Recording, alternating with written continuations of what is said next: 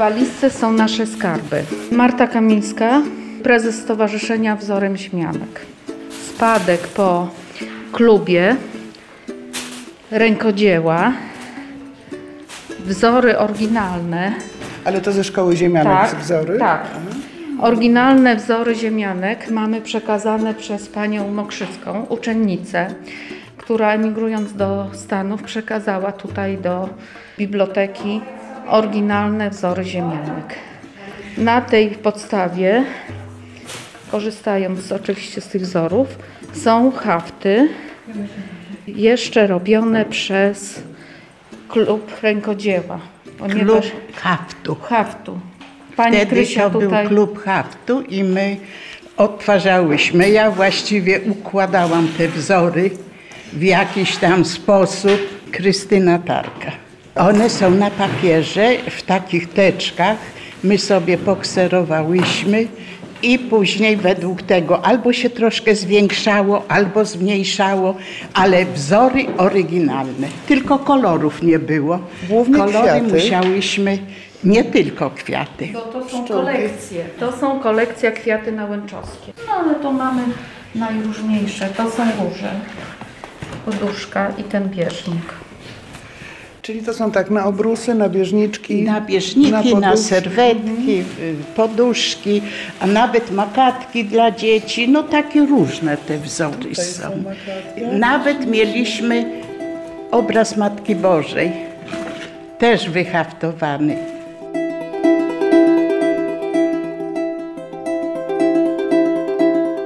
Pierwsze szkoły, które były Marta Strzelecka, autorka książki Ziemianki, co panie z dworów łączyło z chłopkami. pewnego rodzaju wzorami, jeśli chodzi o program nauczania dla tych szkół ziemianek, powstały w wieku XIX. I taką najsłynniejszą była szkoła Jadwigi Zamojskiej w Kurniku, czyli zupełnie gdzie indziej niż e, się znajdujemy. To była taka szkoła, ona powstała w 1882 roku, wzorcowa, jak uznawano, pracy domowej dla dziewcząt, czyli gospodarcza. Ona była adresowana nie do chłopek. Ona była adresowana jeszcze w tamtym czasie do tych, którzy po prostu mieli podstawy czytania, pisania, do takich ziemianek z biedniejszych domów, które chciały się dokształcać. Pewnego rodzaju wzorem były też wszystkie działania edukacyjne Cecylii Plater-Zyberg, która działała i w Chyliczkach pod Piasecznem, i w samej Warszawie, gdzie stworzyła gimnazjum. I ona też bardzo dużo pisała o edukacji. I to się działo w końcu wieku XIX, natomiast w pierwszej połowie wieku XX zaczęły powstawać szkoły ziemianek organizowane przez Stowarzyszenie Ziemianek Polskich. I to były szkoły skierowane według projektu do chłopek, do córek włościańskich. I ten pomysł z jednej strony wpisywał się w taką ideę, żeby pomagać klasie niższej, ale z drugiej też w taki pomysł, żeby do siebie przywiązywać tę klasę, żeby wywoływać poczucie wdzięczności, przywiązania. Można byłoby powiedzieć, i tak też było, że to pojawiało się w różnego rodzaju programach, że to była część programu politycznego Narodowej Demokracji, czy też środowiska ziemiańskiego związanego z tą partią ale też trudno oceniać z dzisiejszej perspektywy. Dużo przewrotnych rzeczy, zaskakujących i takich z dzisiejszego punktu widzenia nieprawdopodobnych jest w tej historii, ale też pisząc tę książkę zorientowałam się, że jest oczywistą prawdą, ale jak się dotyka takich tematów, to można to poczuć że nie można oceniać tego z dzisiejszego punktu widzenia. Ja starałam się bardzo to zrozumieć. Bo to wielkie przedsięwzięcie, to takie przedsięwzięcie, które dla wielu kobiet stawało się po prostu esencją życia, albo zawodem dla nauczycielek, albo podstawą działalności takiej pozadomowej dla tych, które inwestowały w te szkoły. Kierowała nimi chęć robienia czegoś poza domem, Zapewne kierowała nimi też chęć pomocy, bo one to miało bardzo wpisane w wychowanie, w swój kodeks, w system wartości. Chęć pomagania słabszym, czyli tym, którzy mają mniej możliwości wynikających z pochodzenia i z braku pieniędzy. Być może gdzieś tam jeszcze w tle tej chęci pomocy niższej klasie była taka pozytywistyczna idea pracy u podstaw. I to wszystko było zbudowane też jeszcze wtedy na pielęgnowaniu języka polskiego, narodowości przed odzyskaniem niepodległości i wiązało się też prawdopodobnie z patriotyzmem.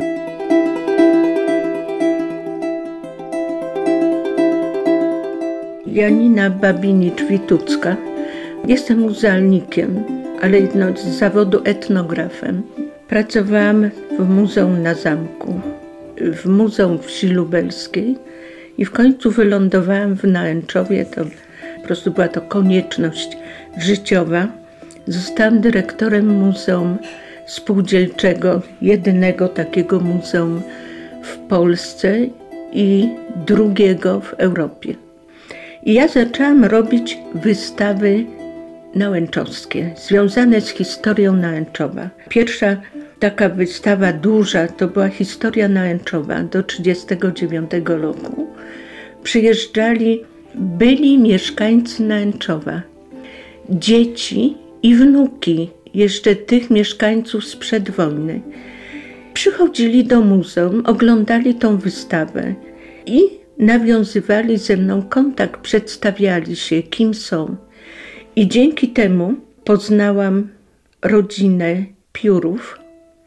To jest to taka rodzina bardzo zasłużona dla Nęczowa. Pani Barbara Pióro to właśnie była nauczycielką w szkole ziemianek, a jednocześnie była założycielką koła gospodyń wiejskich, bo ona jak i część tych nauczycielek, pani Piwocka, pani Łaska, one kończyły szkołę w Snopkowie. To była szkoła koło Lwowa i tam przygotowywano młode kobiety, już właściwie po maturze, przygotowywano do tego, aby one zakładały coś w rodzaju takich jakby uniwersytetów ludowych czy szkół, prawda, bo to była szkoła, która trwała kilka miesięcy, żeby młodzież, dziewczęta, ale nie tylko, bo i chłopców, bo tu powstały dwie szkoły w Nęczowie,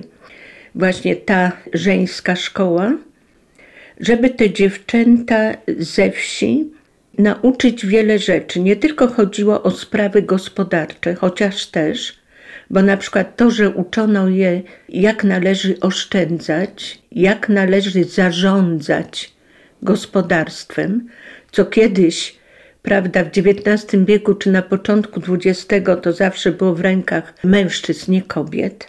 A tutaj one się uczyły, jak zarządzać, jak oszczędzać, jak dzielić te pieniądze na różne wydatki. To, to była bardzo ważna rzecz. No ale jeszcze czego innego, mianowicie to był okres, kiedy po 1905 roku nastąpiła taka odwilż, bo to była, prawda, ta pierwsza rewolucja i po raz pierwszy car zezwolił na tworzenie szkół polskich.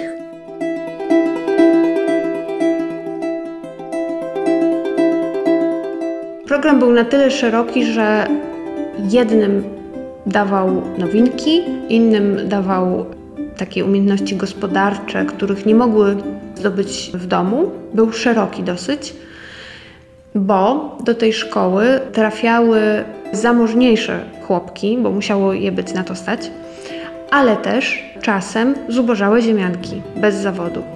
W związku z tym te kobiety młode, które wychowały się w takich domach, w których nie miały właśnie szans nauczyć się opiekowania zwierzętami gospodarczymi, czy hodowania kur, czy prowadzenia sadu, mogły się tego nauczyć. Natomiast chłopki miały dostęp do nowinek różnego rodzaju, takich jak maszyna do wekowania, żelazka pierwsze, różne nowe maszyny do prania, też nowinki w tej dziedzinie były plus dostęp do drogich rzeczy, które nie były nowinkami technologicznymi, takich jak warsztaty tkackie, ale były na tyle drogie, że tylko w szkole mogły na przykład nauczyć się tkać i dzięki temu mieć jakiś zawód. Dawała bardzo dużo możliwości wybrania właśnie swojej drogi, jeśli chodzi o zarabianie. Ta szkoła przestała istnieć w 1936 roku. Ale wiem, że po wojnie potem te umiejętności przydawały się przez całe życie. To znaczy, jedna z pań, która tutaj zostawiła w Nałęczowie cały taki album wzorów haftów, wyemigrowała. Najpierw mieszkała w Brazylii, potem mieszkała w Stanach i rozmawiałam z jej prawnukiem, który opowiadał mi o tym, że ona właściwie żyła zawodowo dzięki temu, czego się nauczyła w szkole nałęczowskiej. To znaczy, po pierwsze, one dostawały pewność siebie i taką przedsiębiorczość poza tymi umiejętnościami konkretnymi. Ale po drugie, ona akurat założyła taką firmę, która zajmowała się szyciem pościeli bielizny pościelowej, ale też prowadziła warsztaty związane z tkaniem i z przekazywaniem tych wzorów z Nałęczowa wśród Polonii amerykańskiej. Natomiast e, jeśli chodzi o kobiety, które wracały do gospodarstw, no to one stawały się partnerkami dla tych mężczyzn, którzy byli już w gospodarstwie w większym stopniu niż przed taką szkołą. Dokumenty wskazują na to, że rzeczywiście ona zmieniała to życie. Kobiety miały mało możliwości edukowania się. To też jest jedna z tych rzeczy, która łączyła niezależnie od klasy. Oczywiście te bogatsze miały więcej. Kiedy edukacja jeszcze nie była powszechna, to taka szkoła była czymś bezcennym w tamtym czasie.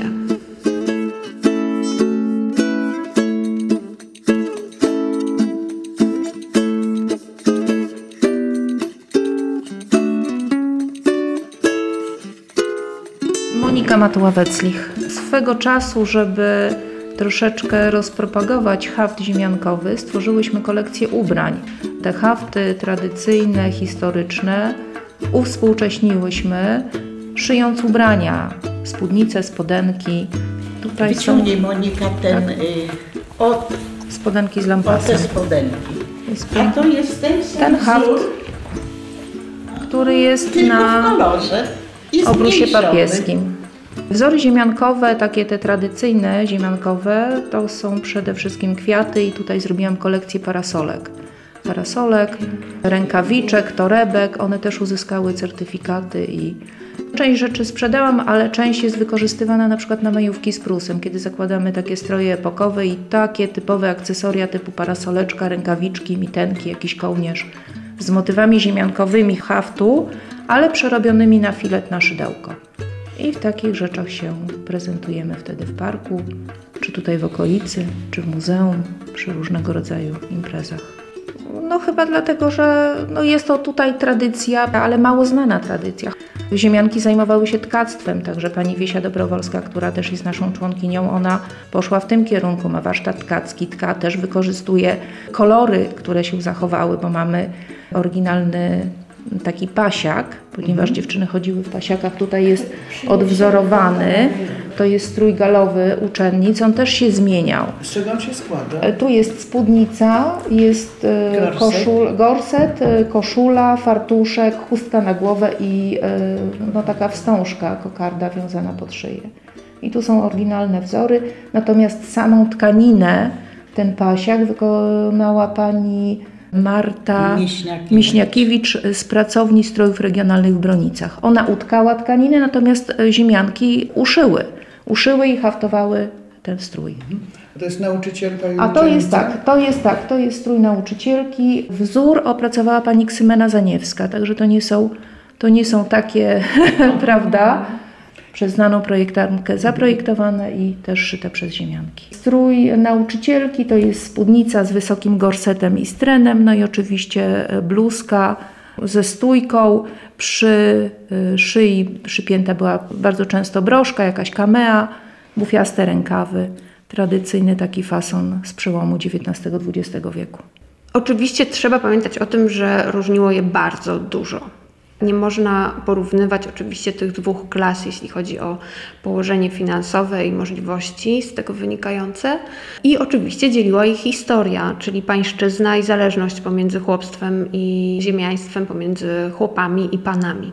Natomiast takie rzeczy, które mogłybyśmy, czy moglibyśmy dzisiaj nazwać możliwością decydowania o własnym życiu, to rzeczywiście było coś, co je łączyło, bo dotyczyło to braku możliwości wyboru męża. Jeśli chodzi o wybór zajęcia, też była to sprawa, która je łączyła. Oczywiście lepiej zawsze być bogatą niż biedną, ale ten brak sprawczości czy możliwości podejmowania decyzji to było coś, co je łączyło. No i nie miały praw. Nie miały prawa do zabierania głosu w wyborach politycznych. Panią, która bardzo się liczyła na Lubelszczyźnie, była Maria Kleniewska. Stowarzyszenie Ziemianek na Lubelszczyźnie postanowiło jeszcze nie w tym budynku, który tutaj niedaleko jest, na skraju Nałęczowa do dzisiaj stoi, tylko w jednej z takich mniejszych posiadłości, założyć szkołę. Ona na początku była taką szkołą gospodarczą na podstawowym poziomie. Tam nie było jeszcze dużo uczennic. Pierwszy rok to był taki rok próbny. I budowano ten budynek, który stoi na wzgórzu Jabłuszko. I w 1910 roku tam rozpoczęły się pierwsze zajęcia. Natomiast jeśli chodzi o sam program, to on był wzorowany na tej szkole w Kurniku, a jeśli chodzi o nauczycielki, to wiele z nich kończyło szkołę w Snopkowie, taką szkołę dla instruktorek gospodarczych. Była czteroletnia, program był rozbudowany po to, żeby panie, które kończyły tę szkołę, mogły mieć dyplom nauczycielek albo instruktorek.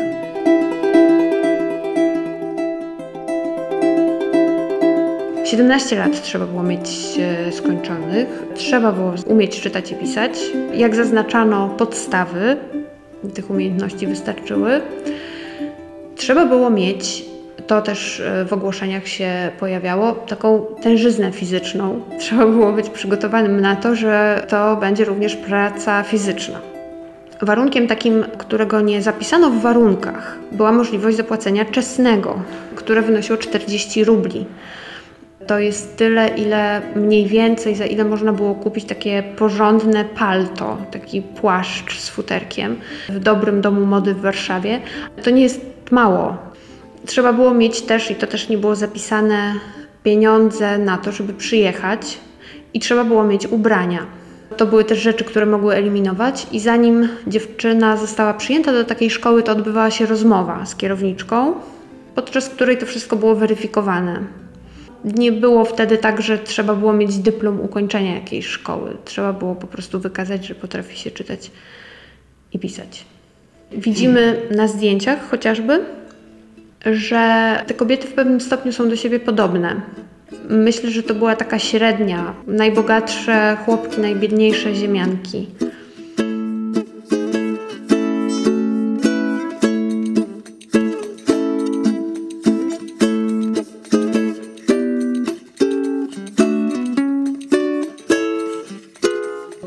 niekoniecznie przetrwała. Nie była w jakiś, jakikolwiek sposób no, zachowywana. Tym bardziej, że uczennice nie były z samego Nałęczowa. One były z, z dalszych i bliższych okolic. Dlaczego myśmy sięgnęły? A to wszystko przez panią Wiesię Dobrowolską, koleżankę naszą i pierwszą prezeskę. Może wrócę jeszcze. 1999 roku duża grupa nauczycieli musiała przejść na przymusową emeryturę. Nie było to takie chętne, bo ja to z płaczem odchodziłam, bo nie wyobrażałam sobie, że nie będę chodzić do pracy. I takich jak ja było naprawdę dużo, tutaj chyba ponad 100 osób z całej gminy.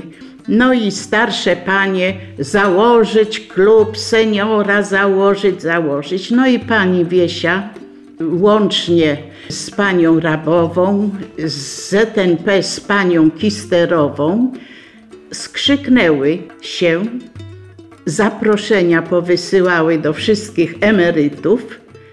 Takie pierwsze spotkanie było w sali balowej, bo Dużo było tych osób. I zaraz za miesiąc klub powstał.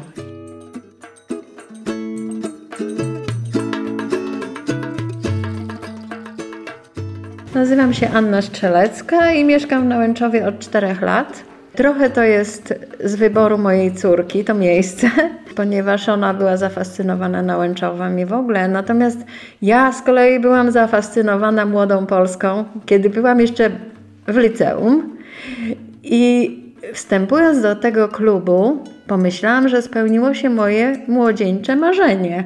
Bo kiedy w liceum było na temat młodej Polski, z koleżanką nawet mówiłyśmy tym językiem i tak się do siebie zwracałyśmy i snułyśmy takie różne tam sobie historie. I tak pomyślałam, jak pierwszy raz zobaczyłam Monikę, i Martę Witucką, której tutaj nie ma, w strojach takich właśnie z epoki tej ziemiańskiej, z przełomu XIX i XX wieku, pomyślałam, Boże, jakie to jest świetne.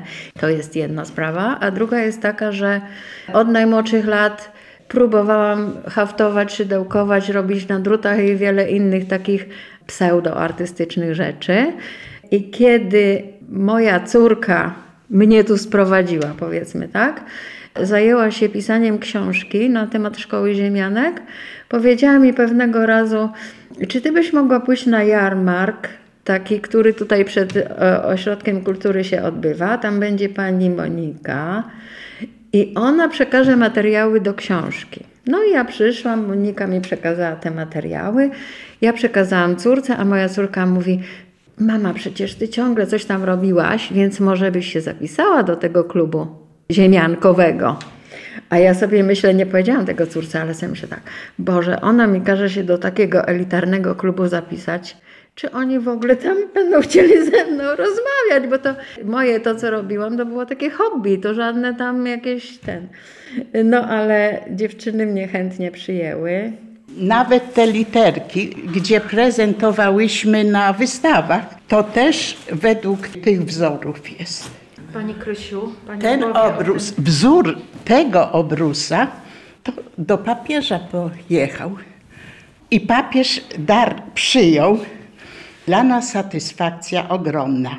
To zdjęcie, gdzie panie są na tle z obrusem, wróciło tutaj do Nałęczowa z podpisem Jana Pawła. I my to zdjęcie mamy. To jest, dlatego ten obrus papieski jest nam tak bliski sercu. I on jest jedyny niekolorowy, to jest, są, jest złota Tak. nić, tak? Złota nić, Tak, metalizowany. tak. Ciężka. Ten jest, ten jest odrabiany. Bo oryginał poszedł do Watykanu. No tak, oczywiście, ale taki sam. Tak. Tak, tak, ten sam. I teraz pierwszy to nas chyba dziewięć haftowało, obrus do Jana Pawła II. A tę pracę to już haftowało chyba 13 koleżanek. A ile czasu zajmuje wyhaftowanie? To zależy w jakim tempie się pracuje, ale taki obrus, no ja osobiście z półtora do dwóch miesięcy. A to są nasze margarytki, logo klubu haftu. Ale mamy też i współczesne hafty. Wszystko oryginalne wzory ze szkoły panią, ziemianek. y, Haft patyczkowy. O, to jest haft patyczkowy. Już się nie haftuje. Hafty są różne ze I mamy na jeszcze jeden przepiękny haft patyczkowy, takie róże, ale nie widzę tutaj. O, jest, jest. Też podobny do haftu. Gdzież to jest? Tego patyczkowego takie są. tu jeszcze mamy takie wzory bardziej geometryczne, które prawdopodobnie twórcą jest y, nauczyciel ze szkoły ziemianek, który był rzeźbiarzem. No i tak, i one już są bardziej w duchu przełomu XIX-XX wieku, bo tamte są tradycyjne, kwiaty. Wzory są różne, zróżnicowane ze względu na to, że uczennice były z różnych regionów. I nauczycielki. I nauczycielki.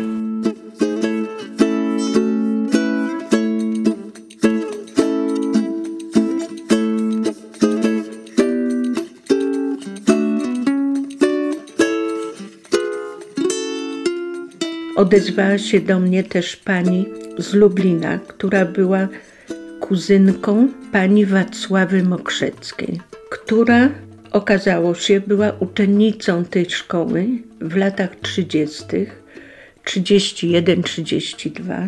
Tutaj w Nałęczowie poznała swojego męża, który chodził do Państwowej Szkoły Spółdzielczości Rolniczej. A te szkoły, one się spotykały, ta żeńska, jak organizowano bale, to organizowano właśnie w tym budynku projektowanym przez Witkiewicza, bardzo piękny, wielki budynek. I tam przychodziły dziewczęta. No i była zabawa, bo tutaj byli sami chłopcy na początku, to były dziewczęta.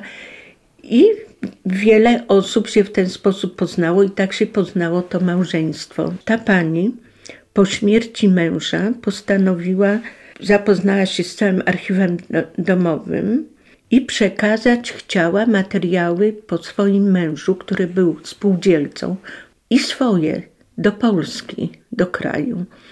Nie wiedziała gdzie. I ta kuzynka zadzwoniła do mnie, czy ja bym nie była zainteresowana. Ja oczywiście, ponieważ to Nałęczów, do tego dwie szkoły ważne dla Nęczowa, powiedziałam, że oczywiście, że tak. I ta pani ze Stanów przysłała mi fragmenty pamiętników swojego męża, właśnie opis całego ich życia, jego tutaj część pamiętnika dotyczy nauki w tej szkole. O tutaj widzi pani jest ta para właśnie, oni są narzeczeni.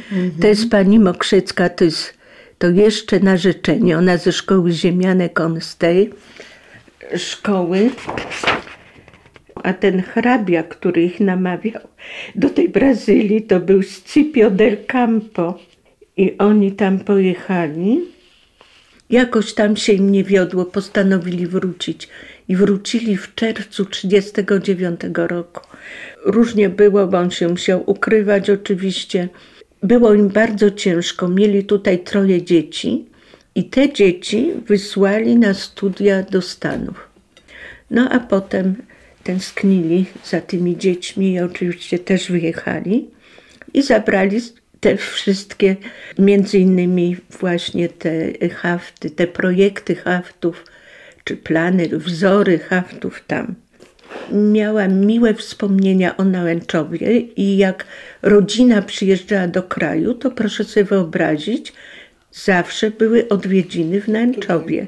Odwiedziny szkoły, ty, tych budynków, prawda, po szkole ziemianek i, i tej szkoły tutaj spółdzielczej. I pani Witucka pokazała wiesi. Pani wiesi to pani Dobrowolskiej, Łuszczyńskiej. Pokazała te wzory. No a ona mówi, wiesz, takie wzory są fajne. I pokazała mnie. No to robimy. O szkole nałęczowskiej dowiedziałam się w momencie, kiedy zobaczyłam te wzory. Zachwyciłam się. No i oczywiście panie się zainteresowały i była taka grupa około, na początku około 15 osób, które haftowały, bo te, które mniejszą umiejętność miały w haftowaniu, też haftowały, robiły to, co potrafiły. Jedna na przykład mówi, ja robię deszczyk w tym papieskim. Deszczyk, czyli te kreseczki. I robiła to. Bo jej to dobrze wychodziło, to robiła to. Ja nie mówię, że nieraz to po cichu prułam i poprawiałam.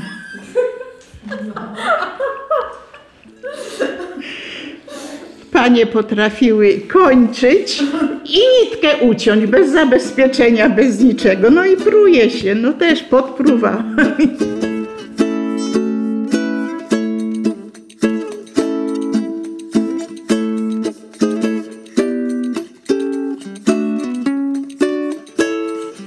Po 10 latach koleżanka przejęła, to już przeszła nazwa na rękodzieło, bo zajęły się jeszcze innymi pracami, nie tylko haftem, bo już tak haft zaczął troszkę zanikać. O.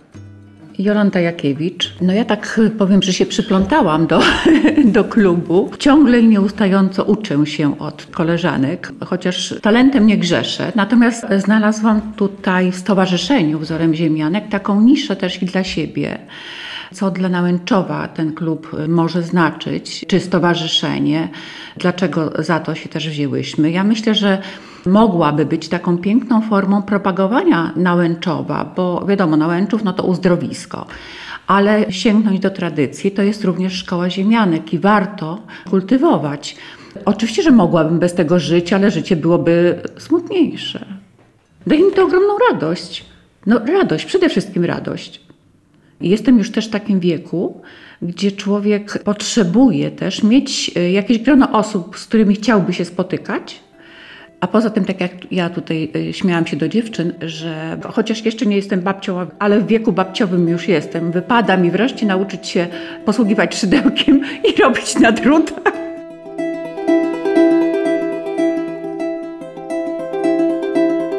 Nałęczów jest przedziwną miejscowością, muszę powiedzieć. Właściwie został stworzony przez ludzi z zewnątrz. Oczywiście małachowscy, wiadomo, ale tutaj lądowało w Nałęczowie cała masa ludzi z Syberii, cała inteligencja i ziemianie, którzy przyjeżdżali tutaj i tu działali. Niech pani sobie wyobrazi, że jak ciągle siedzę w tej historii w Nałęczowa, tak bez przerwy coś nowego odkrywam.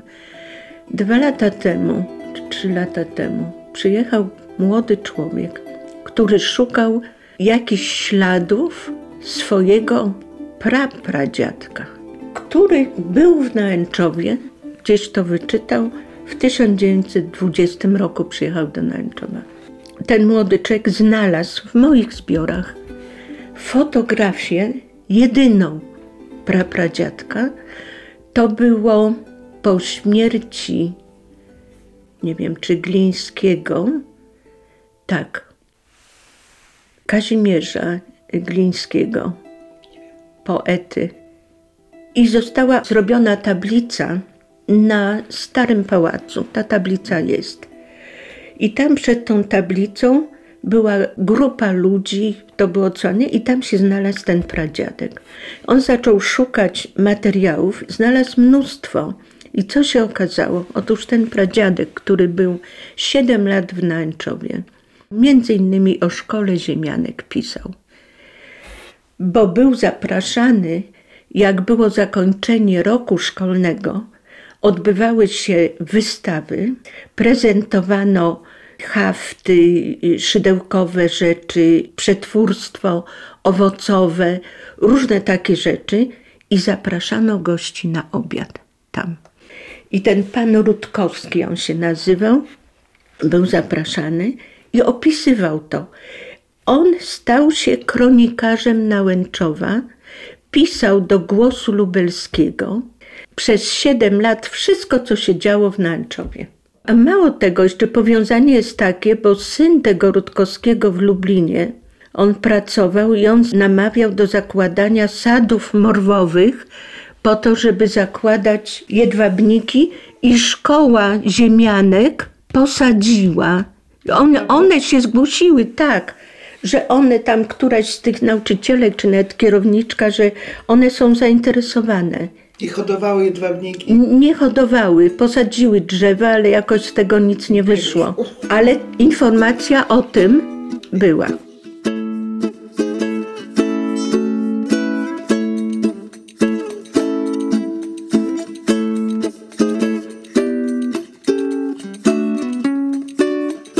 Ja mieszkałam w Anglii przez ostatnie 19 lat przed przyjazdem tutaj i dlatego mówię, że to córka mnie tu sprowadziła, ponieważ ja przeszłam na emeryturę i chciałam mieszkać nad morzem, prawdę mówiąc, bo tam mieszkałam nad morzem.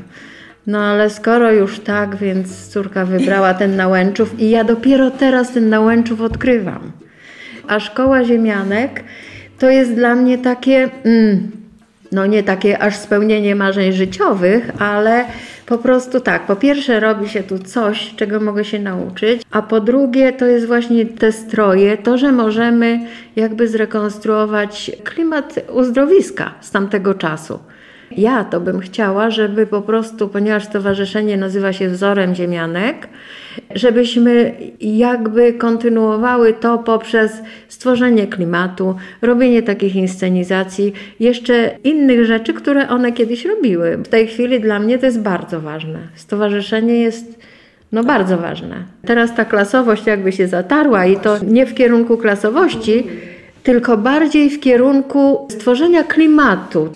Ja uważam, że emancypacja. Ja uważam, że dalej emancypacja i myślę, że sporo osób tutaj też tak myśli, ale też jest dużo ludzi, szczególnie w moim wieku na przykład, którzy uważają, że ten patriarchat i to miejsce kobiety to jest ciągle w tym samym w tym samym miejscu. Ja mam takie doświadczenia, że próbowaliśmy właśnie robić ten projekt i bardzo mało kobiet chciało wziąć w tym udział, szczególnie takich kobiet troszkę starszych.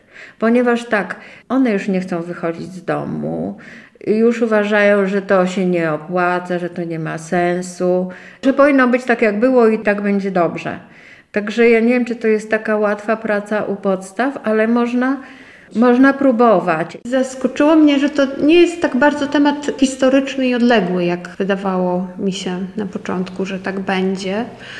I teraz słyszę to w rozmowach, że my rozumiemy te kobiety. To znaczy, rozumiemy, że te ograniczenia, które były im narzucane, to było coś, co wzmagało taką wolę zawalczenia o siebie. Szczególnie, że często rozmawiałam z kobietami, które były po osiemdziesiątce i nagle okazywało się, że doskonale rozumiemy się nawzajem. To też było dla mnie zaskakujące, bo przystępując do tej pracy myślałam, że to będzie książka opowiadająca o czymś, co się kiedyś wydarzyło i to wspominamy. A jest tak, że i podczas pisania, i teraz podczas rozmów na temat tej książki, to jest opowieść, która ciągle wydaje się z takiego czy innego powodu aktualna. Chodzi mi o te problemy związane z ograniczeniami możliwości decydowania o sobie i o tym, że dawała to wtedy edukacja i walka o prawa wyborcze, a dzisiaj też zawsze o różne rzeczy walczymy. Pozycja też w rodzinie kobiety i ta liczba obowiązków, które ona miała do wykonania, też opisuje te obowiązki ziemianek to też jest coś, z czym wiele kobiet i dziewczyn może nie tyle się identyfikuje, ale zawsze ludzie, jak ze mną rozmawiają, to zwracają na to uwagę, że te ziemianki nie miały na nic kompletnie czasu, bo i zajmowały się tym, żeby w większym lub mniejszym stopniu dobrze funkcjonował dom i działalnością społeczną. I jeśli miały za mało zajęć, no bo były bogatsze w tym domu, no to organizowały sobie jakieś dodatkowe zajęcia. Zloty w Warszawie, ziemianek, podczas których były też y, wykłady dotyczące prowadzenia domu. Jak również, i to też często jest wspominane, wyobrażenie na temat tego, jaka ziemianka powinna być. I to często współczesne dziewczyny, młode dosyć, mówią, że to jest tak, że ciągle one czują, że jakieś powinny być. Ziemianka według tego, co się pisało w czasopismach, takich jak Ziemianka Polska albo Wiesi Dwór, miała do spełnienia niezliczoną grupę oczekiwań i miała mieć niezliczoną liczbę cech. To znaczy musiała być zaradna, pracowita, pokorna, gorliwie wierząca, patriotyczna, musiała być działaczką, jednocześnie do tego musiała być skromna, gospodarna, i to wszystko było tymi konkretnymi określeniami zapisywane często przez mężczyzn też w tych czasopismach kobiecych. Więc to jest coś takiego, co powraca też, jeśli jest mowa o tym, co nas łączy z tamtymi kobietami. Musiała jeszcze pięknie wyglądać i bardzo dużo było miejsca w tych czasopismach poświęconego temu, jakie toalety powinna mieć. Przy czym no, nie powinna wydawać za dużo pieniędzy na te toalety, bo uszczupliłaby budżet domowy, powinna też wspierać męża we wszystkim, no bo jeśli on jest rozkojarzony albo źle mu idzie prowadzenie gospodarstwa, no to zapewne jest jej wina.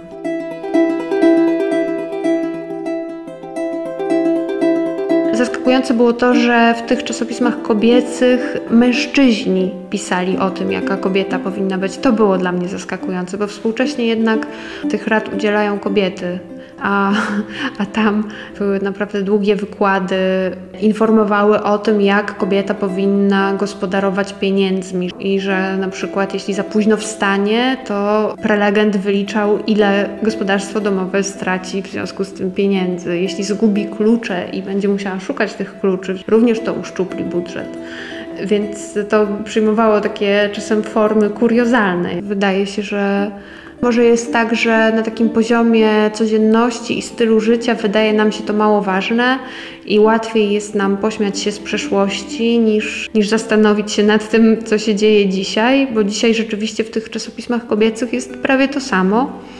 I mówię to jako redaktorka pracująca w takich czasopismach. I być może to wynika rzeczywiście z tego, że jak coś już wydarzyło się kiedyś, no to łatwo jest nam tak e, troszkę ironicznie, trochę ze śmiechem opowiedzieć, tak jak ja to robię, o tym, jakie to te czasopisma kiedyś były śmieszne a nie zauważać tego, co się dzieje dzisiaj w czasopismach i z czego prawdopodobnie za kilkadziesiąt lat ktoś inny będzie się śmiał, bo bardzo dużo nas łączy z tamtymi zasadami. Sabina Syroczyńska-Kozuba. Ja jestem naręczowianką z wyboru. Tego wyboru dokonałam mając 18 lat, że jak przejdę na emeryturę, to będę mieszkać w Naręczowie. Zakochałam się w parku jadąc na studia do Lublina, a mieszkałam niedaleko, 25 km od Naręczowa, w Kaczmiskach. O szkole ziemianek to się dowiedziałam, jak wstąpiłam do klubu Jesienni Entuzjaści.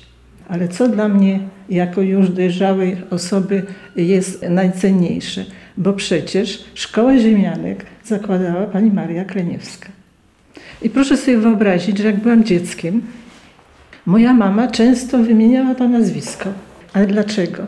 Bo pani Kliniewska nie tylko działała w Nalczowie i przyjeżdżała do właścicieli właśnie do ziemian, a w Kaczmiskach taki dwór był i tam się odbywały szkolenia dla dziewcząt, córek chłopów, rolników. No myślę, że się nauczyła tam bardzo dużo. Nie opowiadała mi w szczegółach, czego się uczyła, ale ona z takim sentymentem zawsze wspominała tą panią Marię Kreniewską, czyli nauczyła się dużo. A jak to zaowocowało?